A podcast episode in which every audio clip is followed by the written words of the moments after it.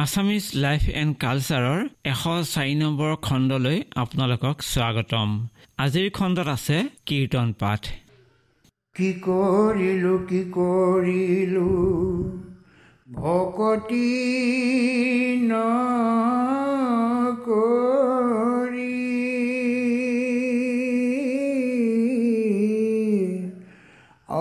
অন্তকে পাইলে ক আহি ৰক্ষা কৰা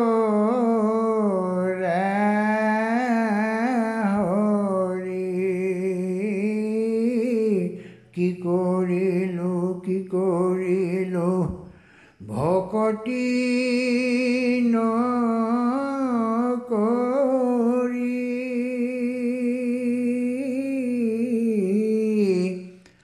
অন্তকে পাইলে ক আহি ৰক্ষা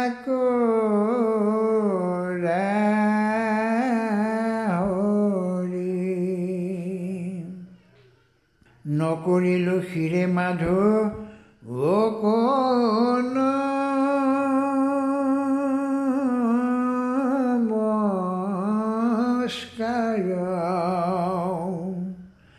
ইটো মাথা গোট মোৰ ভৈলাম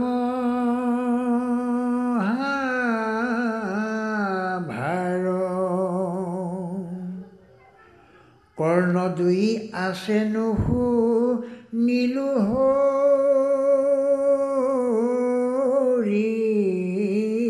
কথা। অদুগোটা গৰ্তৰ ভাৰ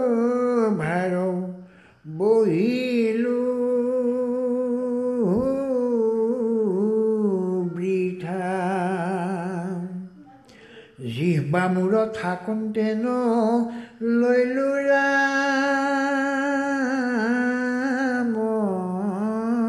নাম দাদুৰীৰ জিহ্বা যেন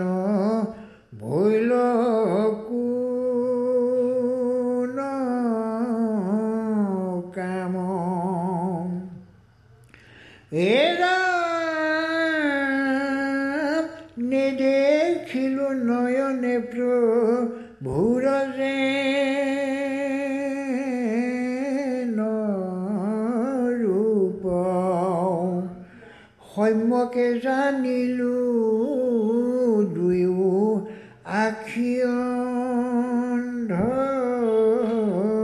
কোপ যেন চিত্ৰ বিচিত্ৰময় ৰাৰ ভাষে পাখি হৰি ৰূপ নেদেখিলো পাইলো তেহনৈ আখি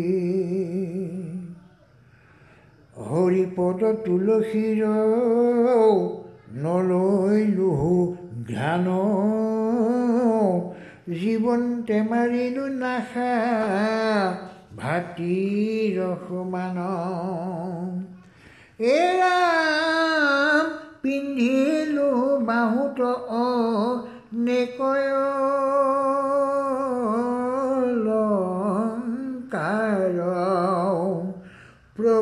পূজা নকৰিলো বাৰ কৃষ্ণ কৃত্য নকৰিয়া ভৈলো বৰ বৰ ইটো হস্ত বাহু মিছা মৃত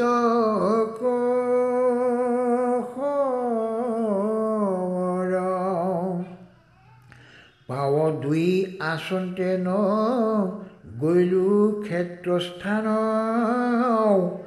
মূৰ পাৱ ভৈল বৃক্ষ শিপাৰ সমান আহা দয়াময় মূৰ কি কৰিলা গতি? ঔ এই ভুটোৱা নামলৈকে হৌক মোৰ এৰাম কৰ্ম দুখে জীৱ জন্ম হৌক সংসাৰত তাতো নচাৰো চিত্ত তোৱা চৰণত সদায় ঘোষো কৰা নাম মূৰ মুখে সংসাৰ সাগৰতে তৰু মহাসুখে সকল জগতত মায়াই মোহিত। তোমাৰ চৰণে প্ৰভু কেৱে নেদেচিত। পুত্ৰ দ্বাৰা নিহলে বান ঢিলো ভৰি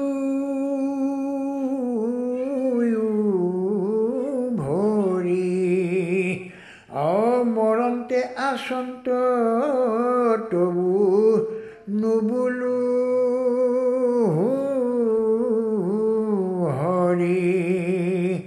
দুৰ্লভ মনুষ্য জন্ম ভাৰত পাইলো। আৰু তোমাক নেসেবি বৃথা জনম।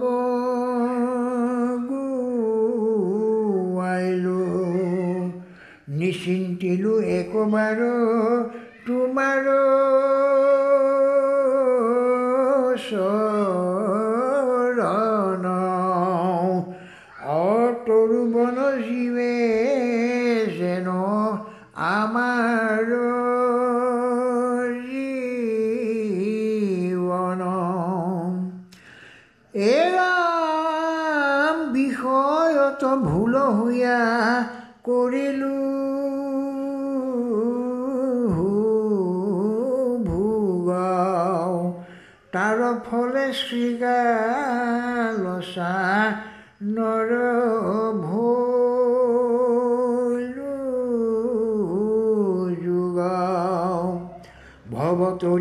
যোগ্য লভিলো।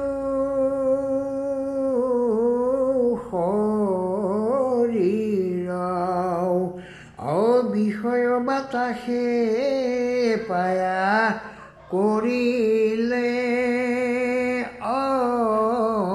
অস্থিৰ কৰে তল বল দেহা কেনে পাৰ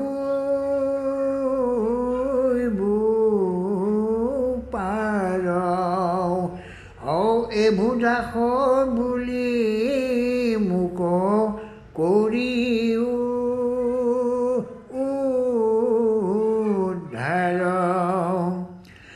এৰাম শোক বিশেষৰ তোৱা দাসৰো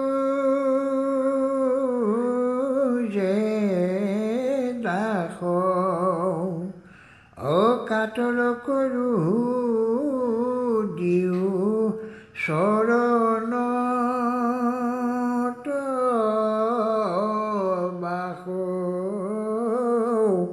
কাতৰ কৰো দিও চৰণ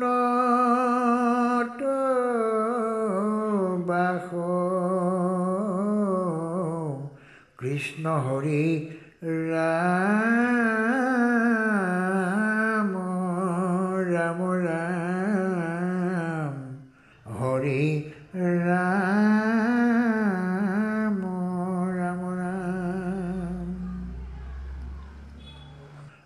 কৃষ্ণ সূৰ্য ভৈলন্ত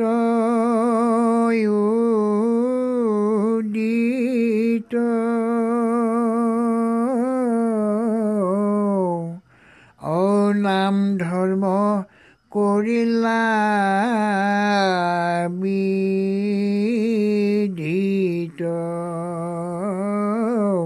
কৃষ্ণ সূৰ্য ভৈলন্ত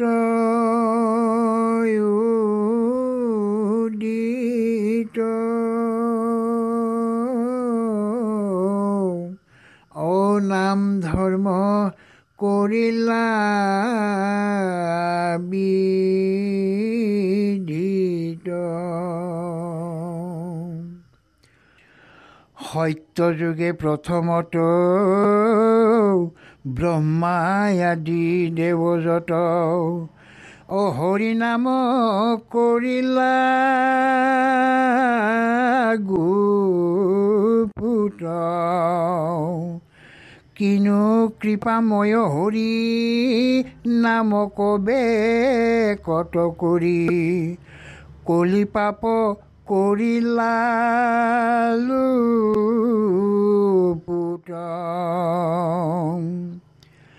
যিটো মহাম্লেচ জাতি সিও শুদ্ধ হৈ আতি মুখে মাত্ৰ হৰিনাম লয়। কলিৰ ভয়ত গয়া নামত শৰণ লয়া। আৰু ৰহিলাস মস্তে ধৰ্ম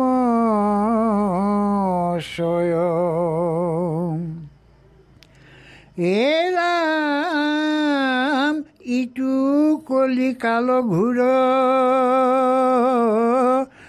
অপাপৰ নাহিকে উৰ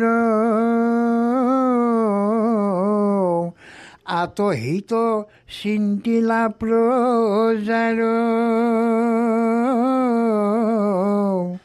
জগতৰে বাপহৰে স্মৰণে নিষ্ঠাৰ কৰে।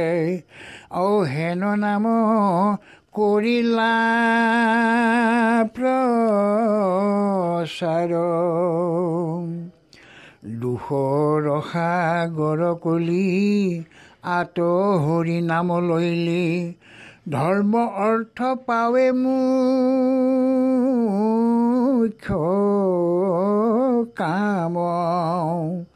সমস্তকে দায়াতৰে আবে দেৱ দামোদৰে। বিজিতক ৰীলা হৰি নাম। এৰাম মন্ত্ৰ তন্ত্ৰ যজ্ঞ যত অতপতীৰ্থ কোটি শত হৰিনাম অধিক বাটে। কিনো ভাগ্য কিনো ভাগ্য হেন হৰি নাম লাগৌ। পাইলা লোক মুখত সাক্ষাতে। যিটো নাম নেৰে মুখে পাইলে মুখ্য মহাসুখে। জানা কৃষ্ণ তুষ্ট ভৈলা তাৰ। গুৰু ভৈলা জগতৰে কৰিলে কিটো নৰে। কোটি কোটি পুৰুষ ধাৰ এৰাম পাতক সুখান বন। অ হৰিনাম সূতাসন ক্ষণেকতে দহি কৰে চন্ন হেন নাম প্ৰচাৰিলা পাতকিক নিষ্ঠাৰিলা পৰম কৃপালু নাৰায়ণ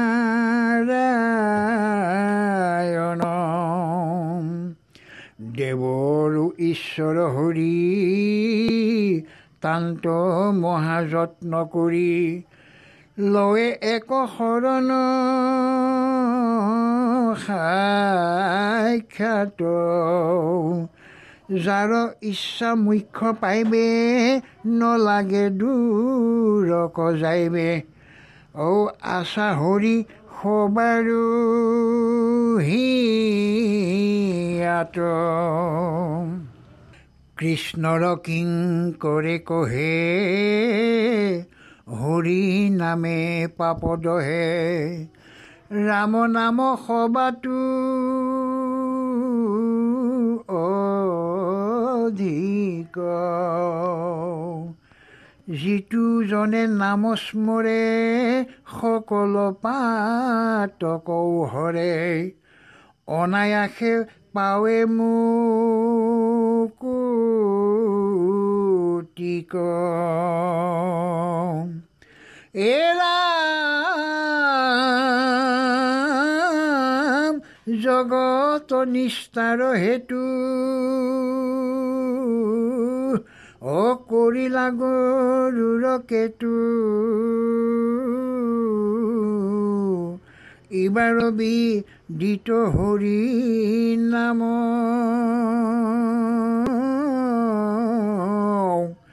আয়ু যায় আলে জালে কেতিক্ষণে ধৰে কালে। অ নিৰন্তৰে বোলা ৰাম ৰাম অ নিৰন্তৰে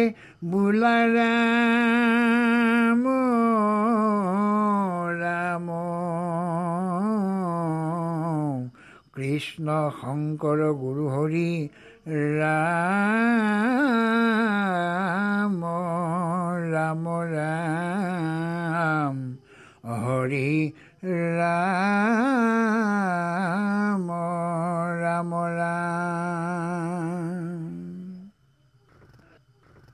পৰমানন্দ ৰাম জুনু চাৰ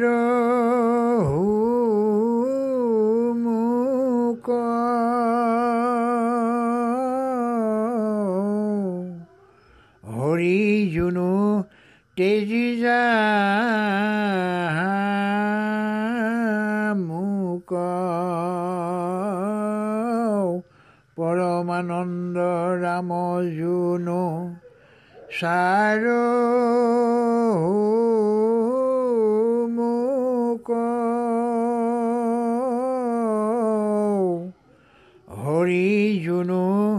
তেজি মোক যাইবে যদু গণ পাছে ভকত উদ্ধৱৰ কাছে। বিমংগল দেখি কাপে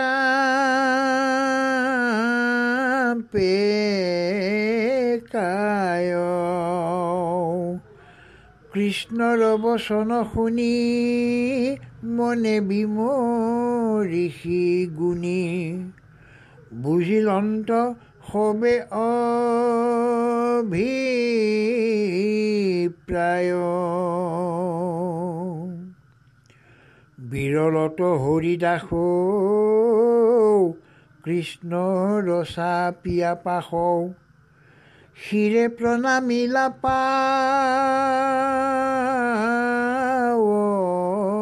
চুই। অন্তৰ্গতে তনু তাৱে মাধৱক নম্ৰ ভাৱে। বুলিল অন্ত কৃতাঞ্জলি হুই যাদৱ বংশক তুমি সংহৰি এৰিবা ভূমি অৱশ্যে জানিলো ইয়াক আমি সিকাৰণে ঋষি সাপ ব্যৰ্থ নকৰিলা বাপ। তুমি হুয়া জগত স্বামী। তোমাৰ চৰণ এৰি নিমিষেকো প্ৰভু হৰি। থাকিবে নোৱাৰো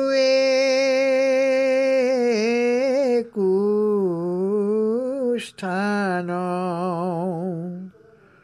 তুমি এৰি গৈলে মোক মিলিবে সন্তাপ ঘূৰাও। অৱশ্যে চাৰিব মোৰ প্ৰাণ। এৰাম তুমি তপ জপ পুণ্য। তুমি বিনা দেখো শূন্য। দিনতে আন্ধাৰ ত্ৰিজগত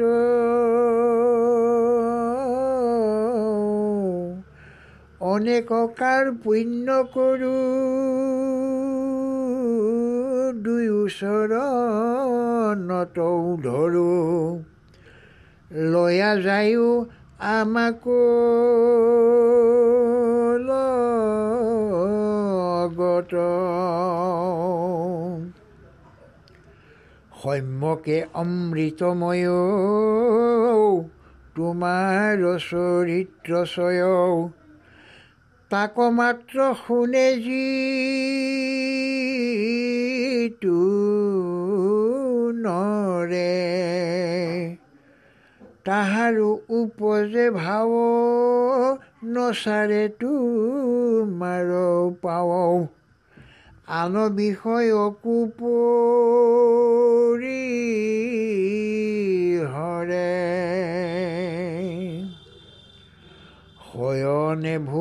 ভোজনে স্নানে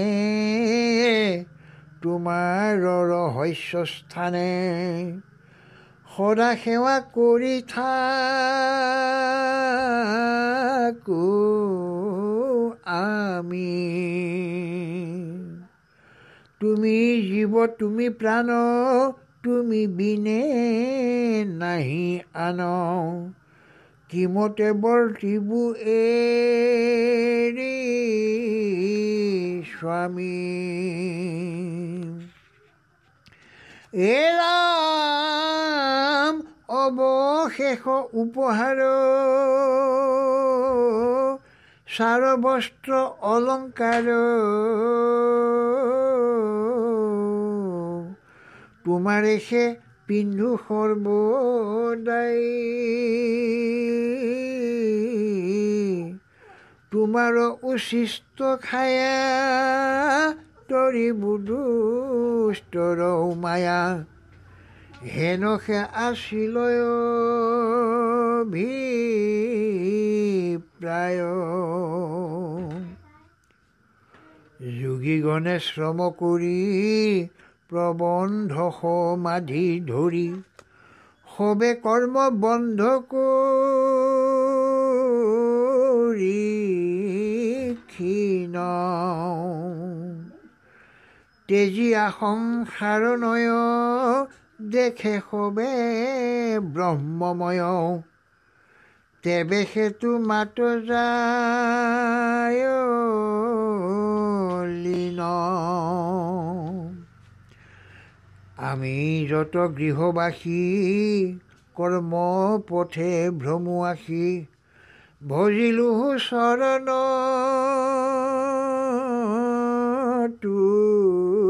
তোমাৰ তোমাক কহি আতস্মৰি তোমাৰ কীৰ্তনও কৰি। তোমাৰ কথায়ে হৈবু পাৰ চৰণ ছত্ৰক ইটো উপাসিয়া থাকে যিটো সিটো এৰাই সংসাৰ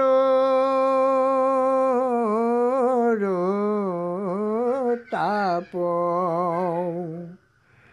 হেন পাদ পদ্ম এৰি ক্ষণে কুনিৰ জীবু হৰি নিউ লগে জগত বাপ এৰাম অনেক কাৰ পুণ্য কৰি কৃষ্ণৰ আগত পৰি জুৰিলন্ত উদ্ধৱে ক্ৰন্দন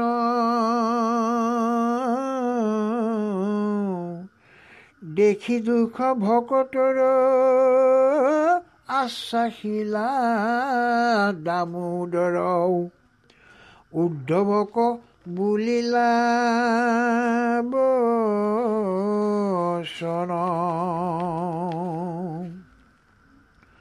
স্বৰূপ জানিলা তুমি এৰি বাক চাওঁ ভূমি সংহৰিলো পৃথিৱী।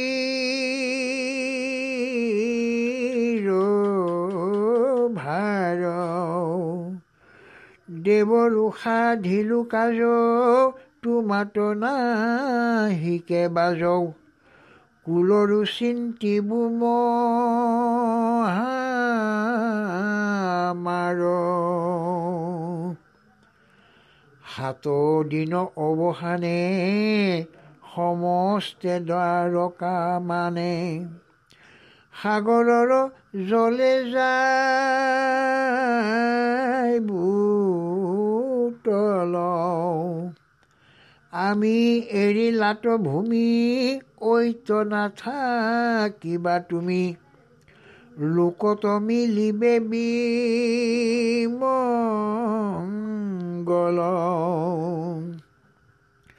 পিৰিবেদুৰ জনকলি সত্ৰৰে যায় কচলি এৰা বন্ধু বান্ধৱ স্নেহ। মই আত্মা হেন জানি আমাক বান্ধৱ মানি দেখা ভিন্ন আপোনাৰ দেহ। যত দেখা যত শুনা যতে কম নত গুণা সবে মায়া ময় স্বপ্ন সম। সমস্তে জগতে হৰি জানিবা নিশ্চয় কৰি। গুচায়ো বুদ্ধিৰৈ ভ্ৰম। জ্ঞান যুগ কৰ্মযুগ পৰম ভকতি যুগ সমস্তে কহিলায়ো ধত সাংখ্য যুগ যত আছে উদ্ধৱে জানিলা পাছে। মাধৱৰ পাদ প্ৰসাদত এৰাম দুনাই পুতাঞ্জলি ধৰি কৃষ্ণক প্ৰণাম কৰি বুলিলন্ত হুয়া নম্ৰ কায়া জানিলো তুমি সি সঁচা আন যত সবে মিছা তথাপি দুষ্ট জমু মায়া। বিষয়ৰ দুখ জানি তথাপিতো একো প্ৰাণী নেৰে দুনাই তাকে ভঞ্জি মৰে। গলত বান্ধিয়া পাঘে কাটিবাকো নেনতে সাগে যেন নিল জতায়াটি করে। এরা অনেক ভর্সনি পাই। উচ্ছিষ্ট ভুঞ্জিবে যাই। যেন আতি কুকুৰ নিৰ্গতে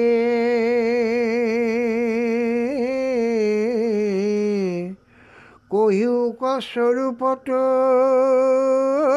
ইটো ঘূৰ বিষয়ত বীৰকতি হুৱেকে মতে? কহিও স্বৰূপত ইটো ঘূৰ বিষয়ত বীৰকতি হুৱেকে মতে। কৃষ্ণ হৰি ৰাম ৰাম ৰাম হৰি ৰাম।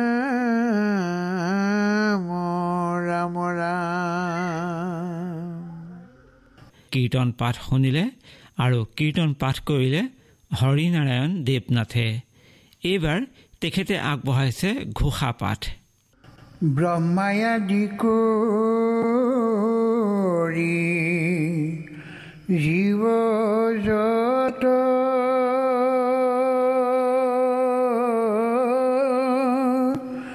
ৰাম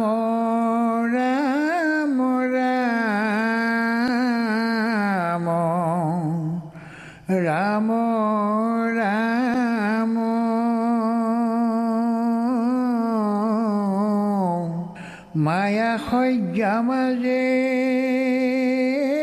আসো ঘুমটি যাই।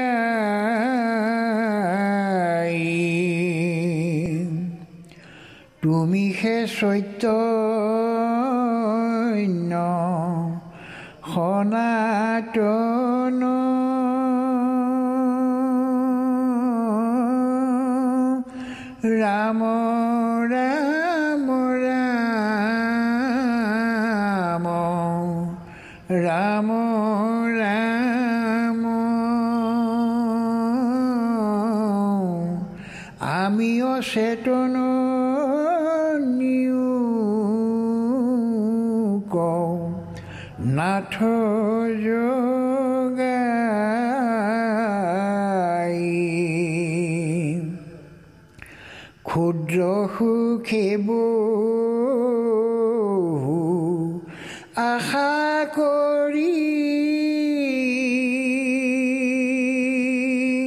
ভৱ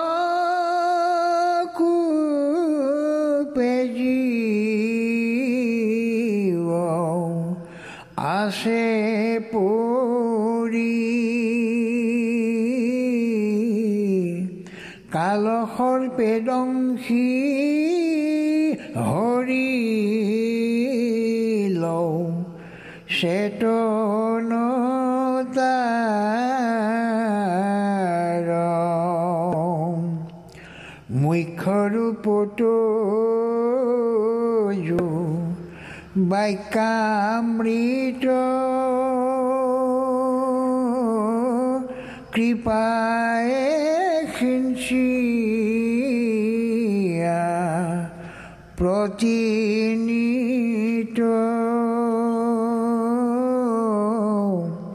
দয়াময় কৃষ্ণ কৰি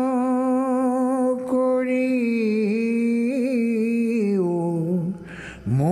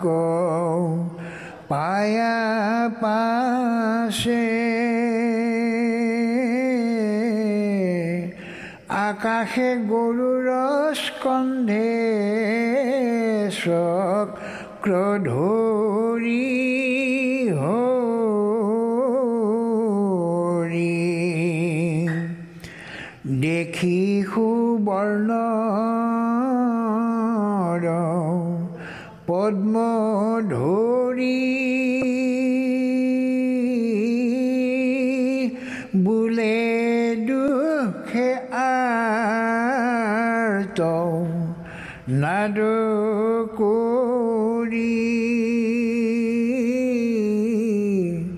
নমো ভগৱন্ত